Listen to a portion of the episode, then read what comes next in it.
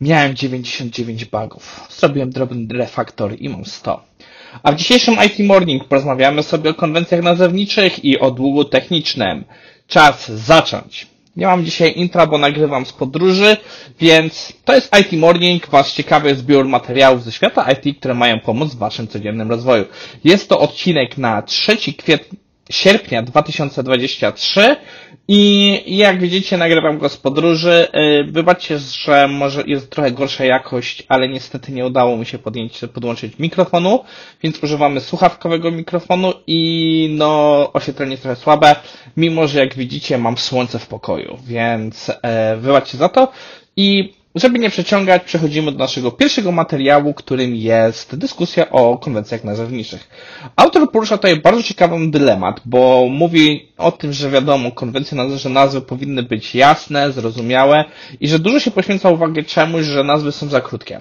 A on zwraca uwagę na inny problem. Jego zdaniem Problem, który obecnie dotyka wiele osób, nazwy są za długie. I niestety w artykule moim zdaniem podaje trochę tendencyjnych przykładów za długich nazw, które są faktycznie wydumane i, e, i na ich przykładzie pokazuje, jak można je skrócić. On podaje nazwę, że jest nazwa to w stylu send, get, request, tu coś tam, coś tam. I pokazuje, że biorąc pod uwagę, że mamy moduł get, request, to tak naprawdę get już jest samo przez sobie zrozumiałe.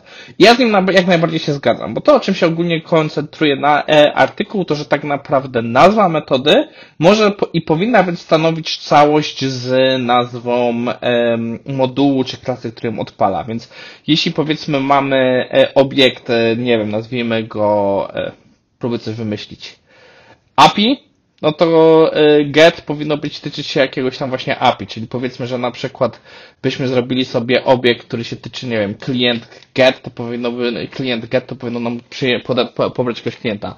Wymyślam na szybko, więc to nie jest najlepszy przykład, ale myślę, że możecie, jesteście w stanie to zrozumieć, więc y, jak najbardziej się z tym zgadzam. Mamy problem, że sporo nazw jest za długich. Sam to widzę, y, Zwłaszcza, że ja jestem bardzo ostrym naciskaczem na to, żeby nazwa była jasna. Że czytając nazwę ja nie powinienem mieć żadnych wątpliwości, ale bardzo często widzę, że ludzie mają problem, że później się pojawia end w środku nazwy, bo za dużo się dzieje w metodzie. I nagle się pojawia ten piękny konflikt między single responsibility i don't repeat yourself, że ludzie chcą mieć pewne rzeczy w właśnie, e, żeby był to spójna całość i używalny kod, żeby było naraz, a później, że jest no właśnie, nie da się tego zrobić bez enda.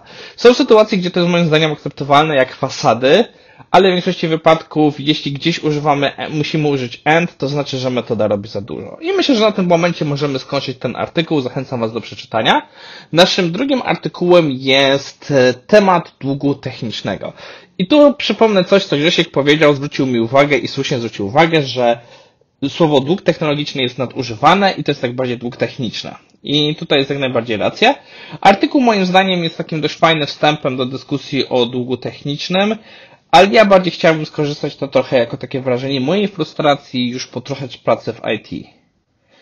Uważam, że naprawdę musi wydarzyć się coś wielkiego, żeby dług techniczny został spłacany.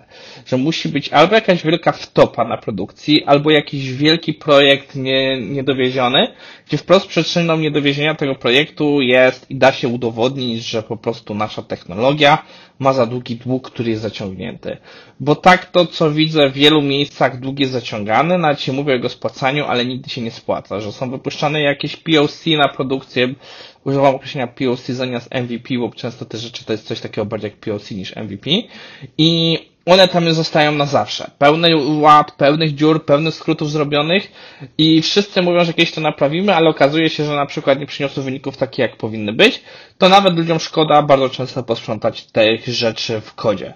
I biznes niestety nie pomaga, bo bardzo często liczy się tylko zyski, zyski, zyski, zyski, nowe feature'y i naprawdę nieważne gdzie widzę, że walka o, o, z długiem technicznym polega na naprawdę dużej ilości negocjacji. I bardzo często sytuacje, które mają nam pomóc długodystansowo, przegrają, z, zwłaszcza jeśli firma jest już na, e, jest już zwłaszcza gdzieś na jakiej ma wystawione akcje i musi przed akcjonariuszami pokazać, że przynoszą zyski i tak dalej, to takie inwestycje długoterminowe w technologię bardzo często znikają. Są firmy technologiczne, gdzie to się dzieje, ale moim zdaniem większość z nas pracując w firmach, które faktycznie próbują rozwiązać jakiś problem, które mają dostarczyć jakąś wartość, widzą, że to tak się nie dzieje. No, nie będę więcej tutaj marudził, bo to był taki mój lekki rant na ten temat. E, więc podsumowując dzisiejszy odcinek, e, który jest krótszy, Wpierw porozmawialiśmy sobie o tym, że nazwy potrafią być za długie, że, e, że także zwięzłość i czytelność nazw polega na tym, że nie może być za długa. I pewne lintery nawet to potrafią sprawdzić. A po drugie, porantowałem sobie trochę na e, zarządzanie długiem technicznym. To wszystko w dzisiejszym odcinku IT Morning i widzimy się jutro, który będzie znowu taki odcinek nagrany z komórki.